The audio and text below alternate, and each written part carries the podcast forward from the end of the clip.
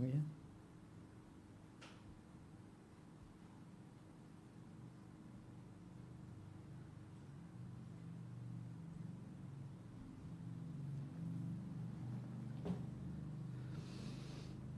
Alhamdulillah wassalatu wassalamu ala rasulillah wa ala alihi wa sahbihi wa man tabi'ahum bi ihsanin ila yaumidin amma ba'd kaum muslimin dan muslimah rahimani wa rahimakumullah kembali kita lanjutkan membaca dan mentelaah dari kitab sifat az-zawjah as-salihah karya Syekh Amr Ibn Abdul Mun'im Salim. Hafizallahu ta'ala wa wafaqahu wa afahu. Poin selanjutnya di antara kriteria wanita yang disarankan untuk dinikahi oleh seorang laki-laki baik laki-laki ini adalah bujangan ataupun laki-laki ini duda yang hendak menikah lagi adalah al-bikru wal waludu gadis nikahilah gadis dan nikahilah wanita yang subur. Yeah maka dianjurkan untuk menikah dengan gadis menimbang faedah yang didapatkan dengan menikahi gadis meskipun menikahi janda tidaklah makruh. Karena meninggalkan hal yang mustahab itu belum tentu hukumnya makruh dan e, nikahilah al-walud wanita yang yang subur rahimnya. Dan menikahi wanita yang subur rahimnya hukumnya dianjurkan. Dan menikahi wanita yang diketahui kalau dia uh, uh, dia tidak kemudian berketurunan hukumnya makruh. Disampaikan oleh penulis Hafizullah Ta'ala wa wafaqahu Thumma kemudian di antara kriteria wanita yang ya, yajib wajib diperhatikan oleh seorang laki-laki yang bertekad untuk menikah. Ya, wajib di sini bukanlah wajib syar'i, namun wajib di sini wajib secara bahasa. Semestinya memperhatikan firman wanita yang akan yaktarinu biha dia nikahi. Hendaknya wanita tersebut adalah bikron gadis, waludan yang subur. Yang dimaksud dengan subur ya, di sini dalam konteks ini bukanlah uh, tidak mesti bermakna punya banyak anak atau berpotensi untuk punya banyak anak, namun maknanya adalah khaliyatan minal terbebas dari mandul dan sebab-sebab mandul. Dan di antara indikator yang menunjukkan kalau seorang perempuan itu adalah perempuan yang berpotensi untuk berketurunan atau wanita yang subur rahimnya adalah uh, haidnya teratur setiap bulannya dengan siklus haid yang stabil dan teratur. Oleh karena itu di antara poin pertanyaan yang penting untuk ditanyakan oleh seorang laki-laki ketika dikenalkan dengan seorang ya, wanita muslimah yang dia ya, ingin untuk menikahinya adalah menanyakan jadwal haidnya. Apakah teratur setiap bulan haid ataukah tidak? Demikian juga apakah haidnya itu teratur ataukah tidak beraturan?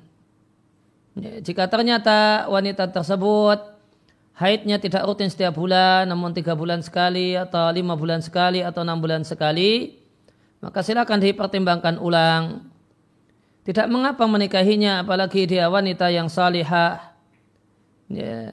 Namun uh, ya, namun jika menginginkan untuk berke, memiliki keturunan ya, maka bisa ya, maka bisa ber ya, dipertimbangkan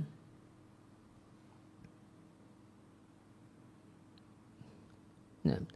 Kemudian dari Abdullah bin Umar radhiallahu anhu atau radhiallahu anhuma satu ketika beliau menikahi seorang wanita fa'asobaha syamta maka dia dapatkan wanita tersebut adalah wanita yang mandul akhirnya fatallaqaha beliau ceraikan istrinya tersebut. Ya. Ya, kalau yang uh, kami sarankan jika menjumpai uh, hal semacam ini, ya, maka jika suami itu mampu secara finansial dan yang lainnya untuk berpoligami tanpa menceraikan istri yang ya, ternyata dipastikan adalah mandul dalam keadaan suaminya normal. Wakal ya, Ibnu Umar mengatakan hasiron fi baitin sekedar tikar di rumah itu lebih baik daripada istri yang tidak melahirkan, istri yang tidak berketurunan. Dan uh, beliau mengatakan satu hal yang uh, luar biasa. Wallahi demi Allah, aku tidaklah mendekati kalian istri syahwatan karena semata-mata birahi. Walakini sami itu Rasulullah sallallahu alaihi wasallam yaqul Namun aku mendengar Rasulullah sallallahu alaihi wasallam bersabda Tazawwaju al-waduda al-waluda nikailah ya, wanita yang penyayang yang besar sayangnya dengan suami besar rasa ibanya kepada suami besar dengan uh, rasa kasihannya dengan suami Artinya dia mengetahui capeknya suami, uh, letihnya suami. Dia menyadari uh, kebaikan suami yang pontang panting untuk dirinya dan anak-anak, ya, anak-anaknya. Ya. Maka istri yang demikian, ya, ya, ini sangat mendukung untuk, uh, ya, ya, sangat mendukung untuk uh, awetnya rumah tangga. Lain hanya dengan istri yang tidak punya iba dan kasihan dengan suami, dah tahu suami uh, memiliki kegiatan di luar yang menguras tenaga. Ya. Setelah sampai di rumah pun masih dituntut untuk banyak membantu pekerjaan istri. Boleh jadi nyuci piring, boleh jadi nyapu, boleh jadi ngepel dan sebagainya. Ya ya, maka seorang suami itu akan uh, lebih nyaman ya, uh, dalam ber, hidup berumah tangga jika istrinya adalah istri yang punya iba, punya kasihan dan menyadari kondisi suami, dia lihat suaminya capek ataukah tidak, tidak letih ataukah tidak. Kalau capek bahkan tanpa diminta, dia pijiti suaminya, ya, dia kemudian nyamankan suaminya sehingga bisa istirahat, pulas, dan dia kondisikan rumah sehingga suami itu uh, istirahatnya berkualitas sehingga bangun sudah segar dan bisa beraktivitas di rumah dan membantu kegiatan istri di rumah. Maka tentu uh, hidup membersami wanita semacam ini satu hal yang sangat-sangat nyaman bagi seorang laki-laki Kemudian yang kedua kata Nabi al-waluda yang subur rahimnya. Karena aku berbangga-bangga banyaknya jumlah kalian dengan umat-umat yang lain pada hari kiamat nanti.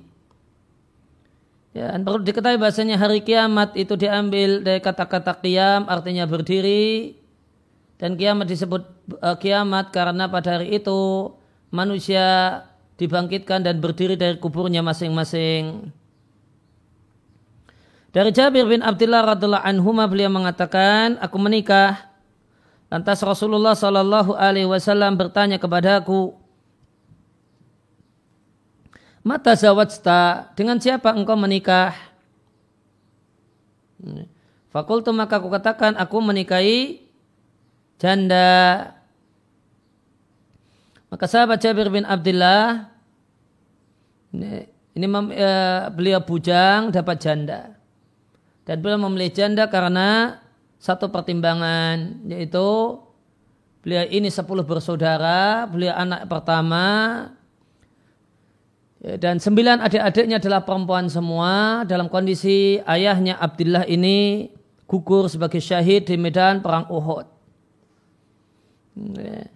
Maka beliau sengaja uh, mencari dan memilih janda yang ya, pikirannya sudah dewasa. sehingga bisa membantu dalam tanda kutip ngomong ngurusi adik-adiknya. Ya, sebagaimana lengkapnya lanjutannya hadis.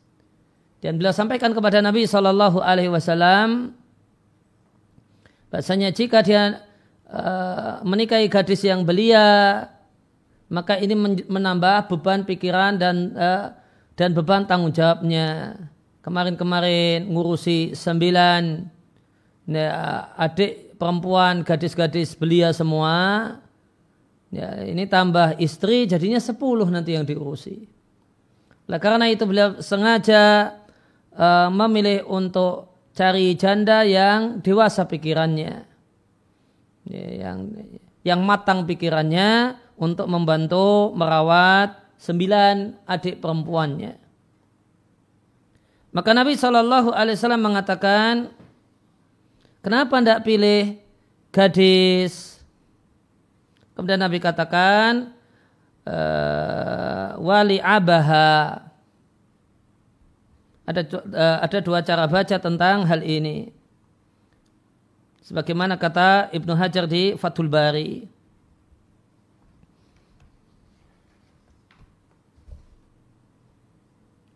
Ibnu Hajar di Fathul Bari menjelaskan bahasanya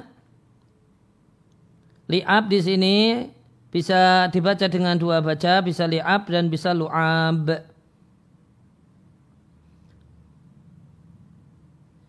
Ya, Al-Hafidh Ibnu, uh, Ibnu Hajar di Fathul Bari menyampaikan mayoritas periwayat Sahih Bukhari memberikan harokat membacanya dengan bikasril lam, lamnya di kasrah. Wa li'abaha. Kalau li'ab maka itu masdar dari la'aba yula'ibu li'aban. Seperti qatala yuqatilu kitalan. Sehingga artinya main-main, ya, bermain-main. Kenapa tidak milih gadis? Kalau dengan gadis, ya, engkau bisa bermain-main dengannya. Karena ya kenapa uh, apa maksudnya?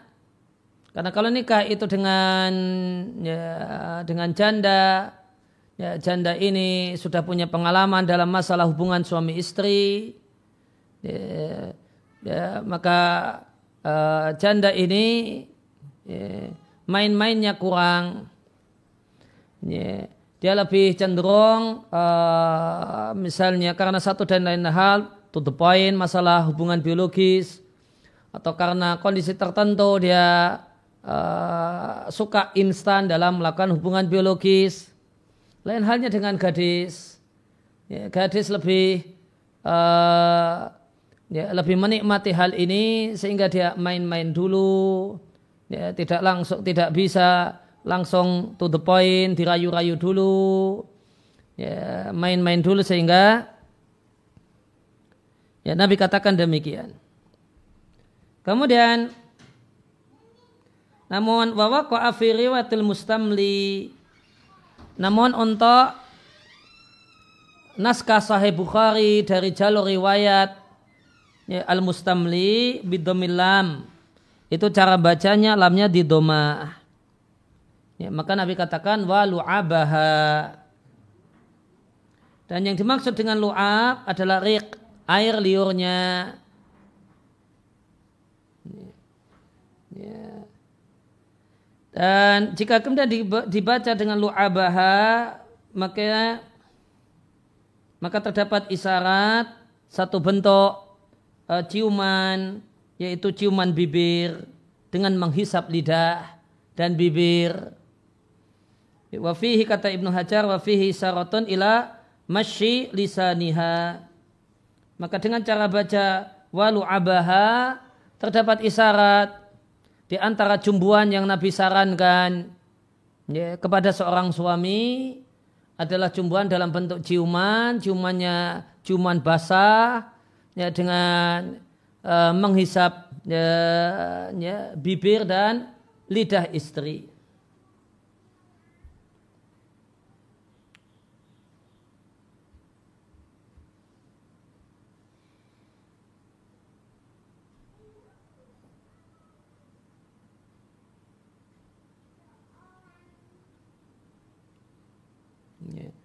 Uh, masih lisaniha ya, maka ini mengisyaratkan untuk menghisap lidah istri warasif syafataiha dan menghisap kuat ya, dua bibir istri. Wadhalika yaqa'u 'indal mula'abati wa taqbili. Dan ini terjadi ya, pada saat main-main wa taqbil main-main yaitu cumbuan bercumbu dengan istri wa taqbil dan ya, mencium istri. Ya, maka berdasarkan riwayat ini di antara maka ada model uh, ya, ada uh, ada model cumbuan yang Nabi sarankan dan model ciuman yang Nabi sarankan ya, yaitu ya, cumbuan dalam bentuk ciuman, menghisap bibir dan menghisap lidah. Maka itu di antara model ciuman yang Nabi sarankan. Wa riwayatin dalam riwayat yang lain Nabi mengatakan kenapa tidak gadis tula'ibuha watula ibuki watula ibuka engkau bisa main-main bercanda-canda ya, dengannya dan dia pun bermain-main dan bercanda-canda dengan dirimu. Kemudian setelah itu uh, Jabir bin Abdullah memberikan alasan. Ini. Kenapa dia memilih janda? Yaitu alasan yang tadi telah kami sampaikan. Kemudian Nabi uh, tidak mempermasalahkannya.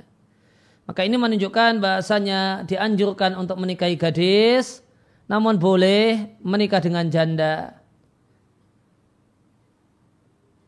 Sebagaimana dikatakan oleh penulis, maka makna yang lebih mendekati Nabi Shallallahu Alaihi Wasallam menganjurkan uh, gadis dan di antara Alasan ya, kenapa dianjurkan gadis karena ya, manfaat atau kemudian faedah yang terdapat di balik nikah dengan gadis.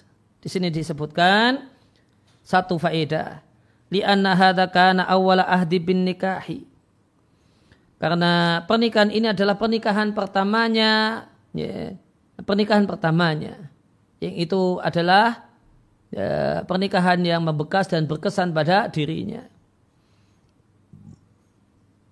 Karena awala ahdi artinya awala ma'rifatihi. Ahdi di sini maknanya ma'rifat pengetahuan. Karena ini pengetahuan pertamanya dengan pernikahan. Namun ini tidak menunjukkan makrohnya nikah dengan janda. Apalagi jika ada pertimbangan-pertimbangan tertentu. Sebagaimana disampaikan oleh Jabir bin Abdullah kepada Nabi Shallallahu Alaihi Wasallam.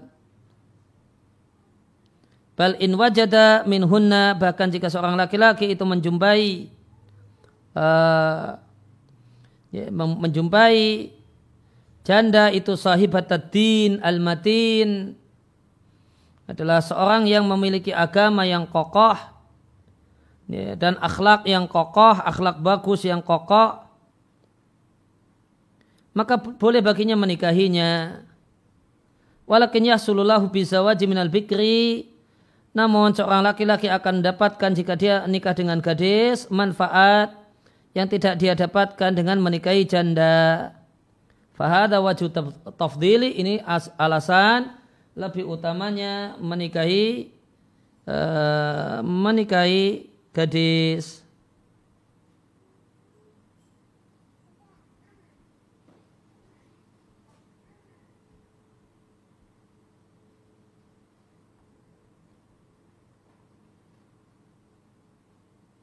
Rasin maknanya matin, kokoh juga.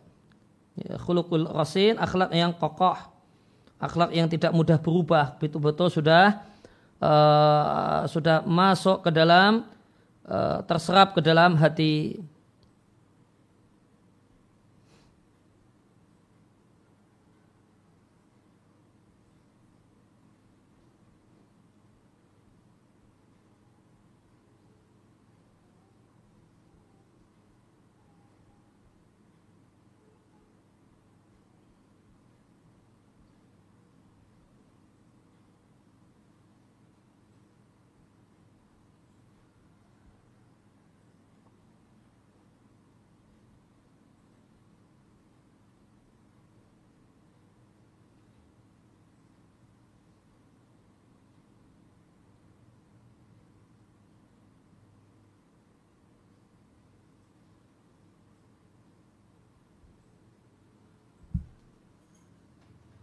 Dan berkenaan dengan uh, manfaat menikahi menikah dengan gadis dijelaskan oleh uh, para ulama di antaranya kita jumpai di Hasyiah I'anatul Talibin kitab fikih Madhab Syafi'i. Di Hasyiah I'anatul Talibin disampaikan perkataan Al-Bujairimi yang mengatakan wa fil bakarati salah satu fawaida ya, menikah dengan gadis itu memiliki tiga manfaat ya. namun jika kita perhatikan uh, manfaat-manfaat gadis yang Nabi yang disebutkan oleh ulama terdahulu atau disebutkan oleh para ulama ini manfaat uh, ini yang dimaksudkan adalah gadis yang terjaga ataupun gadis yang telah mengenal pergaulan bebas pacaran ataupun kemudian menjadi penggemar uh, tontonan-tontonan uh, yang tidak baik uh, apa penggemar dakor, drama Korea dan yang lainnya, ya, maka eh, tidak memenuhi uh, faedah yang disebutkan oleh para ulama. Sehingga mungkin jadinya ini secara lahiriah gadis namun rasanya rasa janda gitu. Karena gadis yang betul-betul gadis itu dikatakan oleh ya, para ulama fikih di antaranya Al-Bujairimi mengatakan ada tiga manfaat menikah dengan gadis yang pertama ya, dia mencintai ya, suami yang pertama dan terbiasa dengan suami yang pertama kemudian beliau sampaikan tabiat karakter manusia wattiba'u majbulatun alal unsi bi awwali ma'lufin yang namanya karakter jiwa manusia ini kaidah psikologi berarti bisa kita katakan demikian dan perlu diketahui, mungkin bermanfaat bagi para mahasiswa psikologi, bahasanya buku-buku para ulama kita itu bertebaran kaedah-kaedah psikologi. Di kitab fikih dan yang lainnya. Di kitab akidah itu bertebaran uh, kaedah-kaedah psikologi. Maka satu hal yang bagus jika ada mahasiswa psikologi dan sudah bisa baca kitab itu mengumpulkan kaidah-kaidah psikologi yang ada di uh, sejumlah kitab-kitab tertentu dan mengkajinya dan memba dan mengkajinya dari sudut pandang ilmu psikologi modern misalnya. Ya, di sini ada kaidah psikologi yang disampaikan oleh yang disampaikan watiba umajbulatun alal unsi bi awwali ma'lufin. Ya, karakter jiwa manusia itu punya fitrah merasa nyaman dengan yang pertama kali diakrabi. Maka rumah yang pertama kali diakrabi itu sulit untuk ditinggalkan. Ya, tanah kelahiran yang um, ya, pertama kali diakrabi sulit untuk ditinggalkan. Kawan-kawan main, tetangga-tetangga yang pertama kali diakrabi berat sekali untuk ditinggalkan. Ya. Itu jiwa manusia. Bahkan uh, makanan pokok yang pertama kali diakrabi itu sulit untuk berpindah ke lain ya, ke lainnya. Kita misalnya sudah biasa akrab makanan pokok itu nasi. Kemudian tinggal pindah di boleh jadi uh, pindah ke negeri yang lain. Kemudian kita berlatih untuk ya, menikmati makanan pokok yang lainnya. Ya, makanan pokok yang lainnya itu tidak mudah ya, perlu adaptasi yang ya, ya yang tidak sebentar. Kenapa? Karena kaidah psikologinya mengatakan ya, yang dikatakan oleh para ulama wattiba umajbulatun alal unsi bi awwalu ma'lufin. Bahkan sayur yang pertama kali diakrabi itu sulit untuk ditinggalkan. Orang Jogja yang biasa dengan uh, makanan-makanan uh, dan lauk-lauk yang cenderung manis, hmm, pindah dan ke jenis makanan yang cenderung pedas atau cenderung asin eh, atau yang lainnya perlu adaptasi yang tidak sebentar. Ini jiwa manusia. Maka demikian juga hati yang sudah ya, biasa ya, dalam hal ini hati wanita yang sudah terbiasa dengan seorang suatu sosok laki-laki dipindah kepada yang lainnya itu tidak mudah. Dan yang terjadi nanti sering dibanding-bandingkan. Ya, minimal kalau tidak dilisankan dia bandingkan di hatinya. Dulu suami saya begini-begini, kalau suami yang ini kok begini uh, kok begitu dan begitu. Wa amallati marasat ar-rijala farubama la tarda bi ba'dil awsaf allati tukhalifu ma'alifathu fatakrahu az-zawjat tsani. Adapun wanita yang sudah uh, mengenal laki-laki yaitu suami yang pertama atau bahkan suami yang kedua karena ini nikah yang ketiga Farubama maka boleh jadi dia tidak senang dengan sebagian karakter, sebagian perilaku, sebagian kebiasaan yang itu berbeda dengan kebiasaan suaminya yang dahulu. Sehingga apa dampaknya? Ada dampak buruk yang ini yang ya, dikhawatirkan fatakrahu azaujathani. Maka dia pun tidak kurang suka dengan suami yang kedua atau suami yang ketiga. Ini. Karena dia sudah terbiasa dengan kebiasaan, sudah terbiasa dengan kebiasaan suaminya yang dulu. Begini suaminya yang dulu. Ya, dalam masalah, ya, dalam banyak hal. Ya, dalam masalah kemudian berbicara dengan istri, dalam masalah uh, membantu kegiatan istri, dalam masalah uh, cara makannya, dalam masalah Ya, cara menyentuh istri dan seterusnya. Kemudian ketika nikah dengan uh, suami yang kedua beda, ya, beda cara, ya, cara berbeda cara dan penyikapan. Nah ini menimbulkan ketidaknyamanan. Ya, bisa menimbulkan ketidaknyamanan, ujungnya jadi akumulasi, tidak nyaman, tidak nyaman, tidak nyaman, tidak nyaman tidak nyaman dengan sikap ini, tidak nyaman dengan kebiasaan ini, tidak nyaman dengan ini, jadi akumulasi, akhirnya timbul rasa kurang suka. Makin lama makin lama, ya, jadi tidak suka. Kalau tadi cuma kurang tidak suka, ini tidak suka. Nanti kemudian makin lama jadi sangat tidak suka.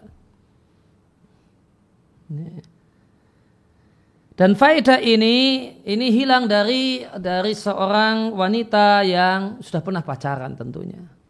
Karena dia sudah biasa, dia sudah terbiasa dengan uh, dengan pacarnya dulu. Gimana cara merayu pacarnya dulu, dia terbiasa dengan uh, cara sikap pacarnya dulu. Ketika dia sudah pernah pacaran, kemudian nikah, maka dia bandingkan dengan mantannya yang dahulu. Oh, mantan yang dulu ngerayunya pinter.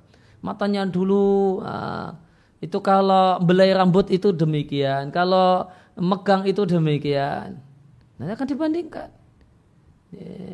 Dan kemudian dia uh, yang terjadi lebih enak mantannya dulu. Sehingga terwujudnya keakraban dengan suami pasangan sahnya itu tidak mudah. Kemudian faedah yang kedua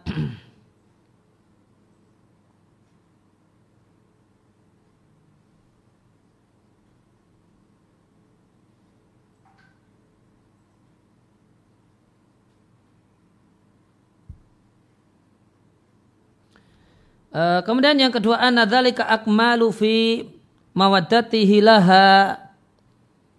Bahasanya nikah dengan gadis itu berbuah lebih sempurna cinta suami kepada istrinya karena dia tahu dia adalah lelaki pertama di hati istrinya. Dan hanya jika dia tahu kalau dia bukanlah lelaki pertama di hati istrinya, maka uh, bulatnya tekadnya untuk uh, nikah uh, untuk mencintai totalitas untuk mencintai istri itu ya, itu tertahan ada hambatan. Yaitu kenangan dan kesadaran saya adalah lelaki kedua atau lelaki ketiga atau lelaki keempat atau lelaki kelima. Kemudian beliau katakan ya, faedah yang ketiga wanita itu tidaklah kangen kecuali dengan suaminya yang pertama yang berkesan di hatinya. Dengan laki pertama yang berkesan di hatinya. Sehingga ada penyair yang mengatakan nakil fuadaka haitsu syi'ta minal hawa. Mal hubbu illa lil habab illa lil habibil awwali. Pindahlah hatimu ke tempat mana saja tempat yang engkau cintai. Tidaklah cinta kecuali untuk kekasih hati yang pertama. Kamanzilin fil ardi ya'lifuhul fata. Kemudian di, sebagaimana di maka beliau katakan betapa banyak rumah di muka bumi ini yang diakrapi oleh seseorang. Hmm. Wahaninuhu abadan li awwali manzili. Ya, namun kangennya itu sama uh, itu abadan sama sekali kecuali tidaklah kecuali li awali manzili rumah pertama yang dia akrab dengannya. Maka dicontohkan adalah penyair dengan rumah. Maka tabiat manusia mencocoki uh, mana yang diakrabi pertama. Ketika rumah A itulah rumah tempat kelahiran, rumah tempat dia mas, melewati masa-masa kecil, ya, sampai dewasa, bersama ayah dan ibunya. Maka tempat ini ngangeni.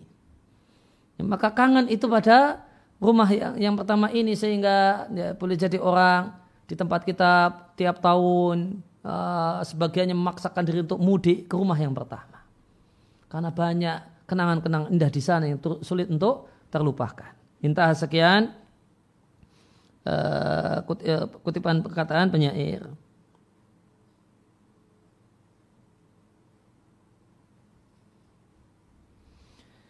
Kemudian di di hasyiah ini di hasyiah Anatut Talibin disampaikan wafil murni dilihatkan oleh Abu Nuaim dari Syuja ibn Walid. Syuja ibn Walid mengatakan di umat terdahulu ada seorang yang bersumpah tidak akan mau menikahi seorang perempuan sampai dia minta saran kepada 100 orang. Akhirnya dia minta saran kepada 99 laki-laki. Waktu alaihi dan Eh, hasil wawancara dan dialog dengan 99 laki-laki itu beda-beda hasilnya. Fakal maka dia mengatakan bagi wahid. Ya, berdasarkan uh, sumpahnya maka masih ada satu yang ya, satu yang akan jadi penentu. Dan dia katakan dia adalah orang yang pertama kali muncul dari jalan ini. Aku akan mengambil perkataannya dan aku tidak akan melanggar perkataannya. Maka pada saat dia seperti itu tiba-tiba muncullah ya, di hadapannya rajulun raqibun ya, ya, seorang yang berkendaraan lantas orang ini menceritakan kisahnya ya, saya ingin menikah namun setelah saya ya, minta pandangan 100 laki-laki dan andalah penentunya akhirnya sang laki-laki ini ya, sang laki-laki yang datang tadi mengatakan anisa uthalathun wanita itu ada tiga kategori. Wahai ya, calon suami. Yang pertama wahidun laka. Dia adalah seorang wanita yang dia adalah milikmu. Ya, kemudian wahidat wahidatun laka, kemudian wahidatun alaika. Dia adalah wanita yang uh, akan jadi sumber problem untukmu. Kemudian yang ketiga wahidatun lalaka wala alika. Satu wanita yang tidak menguntungkanmu dan tidak akan jadi problem untukmu. Fal bikulaka. Kalau kau nikahi gadis yang belum pernah kenal laki-laki, maka dia betul-betul akan sempurna untukmu. Wadatul walad min ghairika alaika. Adapun jika engkau nikahi janda namun yang sudah punya anak dari suami yang terdahulu, nah ini alaika. Ini akan jadi sumber masalah untuk dirimu wahai calon suami. Wathaibu lalaka wala alaika. Adapun yang janda namun tidak punya anak, ya, namun dia sudah kenal dengan laki-laki, ya, ya, maka namun dia tidak punya anak dari lelaki tersebut, la alaika la laka wala alaika. Tidaklah menguntungkanmu dan tidak akan jadi sumber masalah bagimu.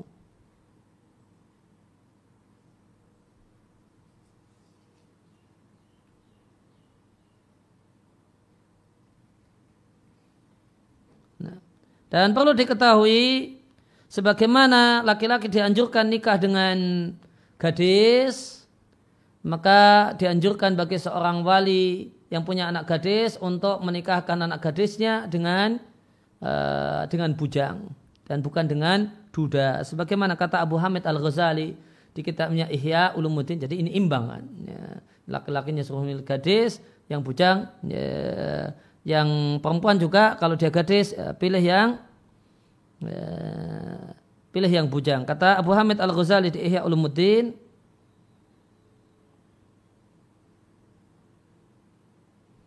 kama istahabu nikahul bikri sebagaimana dianjurkan nikah dengan gadis dianjurkan yusanu ala yuzawijal waliyu ibnatahu maka seorang ayah disarankan untuk tidak menikahkan anak perempuannya ila min bikrin kecuali dengan bujang lam yatazawwaj qattu yang belum pernah nikah.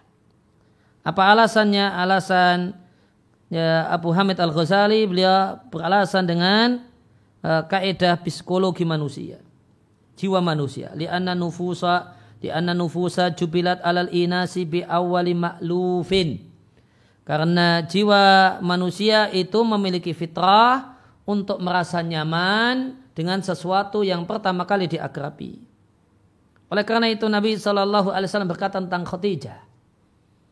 Ya, di mana Khadijah, Nabi sering, sering sering menyebut Khadijah terkenang Khadijah dan terkenang Khadijah tidak hanya di pikiran bahkan sampai dilisankan. Yang ini menyebabkan ibunda Aisyah radhiallahu taala anha cemburu. Ya, dan meminta Nabi untuk tidak lagi nyebut-nyebut Khadijah. Namun Nabi menolak. Tidak bisa. Engkau adalah istri yang paling kucintai. Meskipun demikian, ya, kalau engkau minta, engkau punya tuntutan supaya aku tidak nyebut-nyebut Khadijah, ya, itu tidak bisa. Ya, demikian yang Nabi katakan kepada istrinya Aisyah radhiallahu taala anha. Ya, maka paling dicintai itu bukan berarti ya, ya, yang uh, istri muda yang ini yang paling dicintai itu bukan berarti lupa dengan uh, cinta yang pertama. Maka Nabi menolak permintaan ibunda Aisyah radhiallahu taala anha dan Nabi beralasan innaha awwalu nisa'i.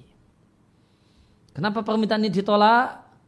Kenapa kalau diminta untuk tidak menyebut-nyebut uh, ibunda Khadijah Nabi tidak bisa? Beliau beralasan karena Khadijah itu adalah istriku yang pertama. Wanita yang pertama di hatiku. Dan wanita yang pertama di hati tidak bisa dilupakan. Nah, itu uh, yang dikatakan oleh Abu Hamid Al-Ghazali dan untuk melengkapi hal ini maka saya ingin uh, kutipkan juga perkataan ulama yang lain tentang manfaat menikahi gadis. Ibnu Asur penulis tafsir At-Tahrir uh, wa Tanwir mengatakan Ya. Gadis itu lebih pemalu dan lebih banyak cemburunya dan lebih banyak uh, dalan tingkah polahnya. Ya. Yaitu tingkah polahnya untuk menarik perhatian suami. Wafidhalika majlabatun nafsi dan itu satu hal yang di, menarik bagi jiwa. Nah itu alasan uh, yang pertama beliau menyarankan untuk nikah dengan gadis. Ya, karena dia lebih pemalu, kemudian nanti dan dia lebih semangat untuk melakukan hal-hal yang menarik hati suaminya dan ini disukai oleh normalnya laki-laki.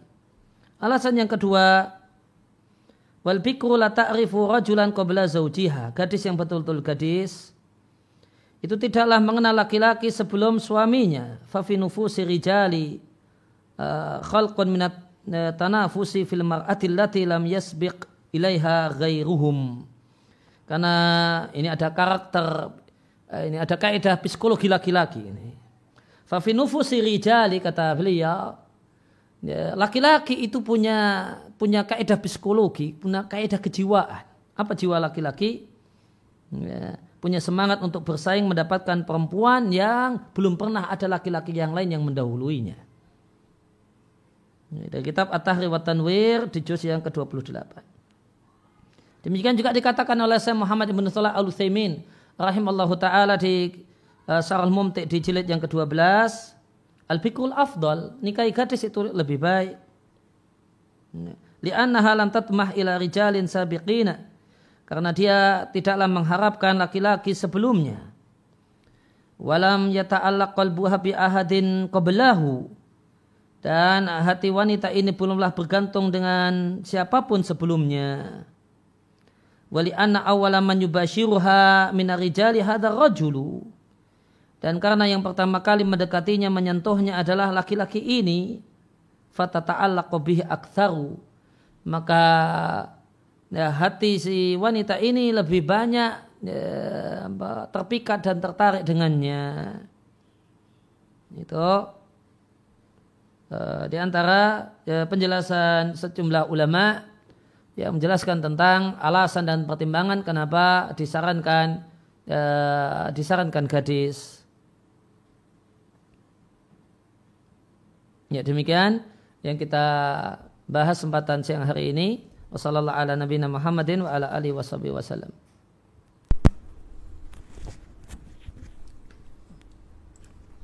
Baik uh, ada beberapa pertanyaan yang sudah masuk yang insya Allah kami akan bacakan. Untuk pertanyaan yang pertama Ustaz, jika masa idah telah lewat setelah talak satu, apakah saat mengulang akad nikah harus memberikan mahar lagi? Ya, uh, uh, setelah masa idah di talak pertama selesai, ya, maka tidak tidak boleh rujuk harus akad nikah ulang. Bukan akad nikah ulang namun akad nikah baru.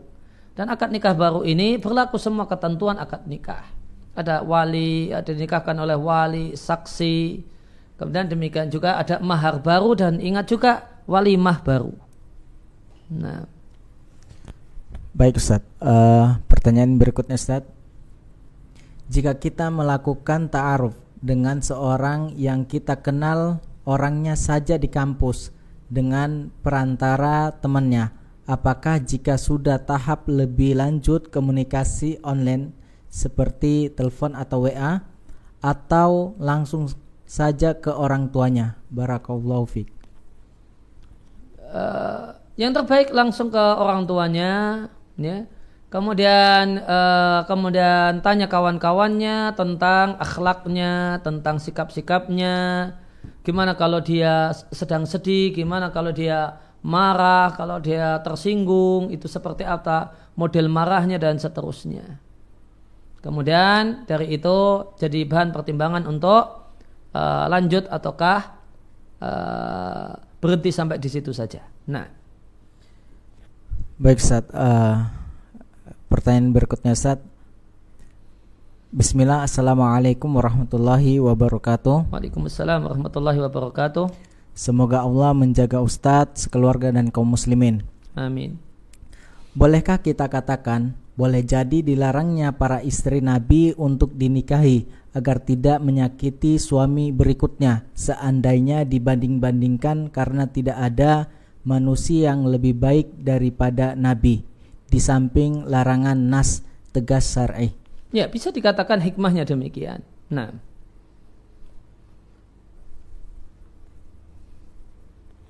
Sudah. Demikian uh, sallallahu ala nabiyina Muhammadin wa ala alihi wasallam wa da'wana alhamdulillahi rabbil alamin. Subhanaka Allahumma bihamdika asyhadu an la ilaha illa anta astaghfiruka wa atubu.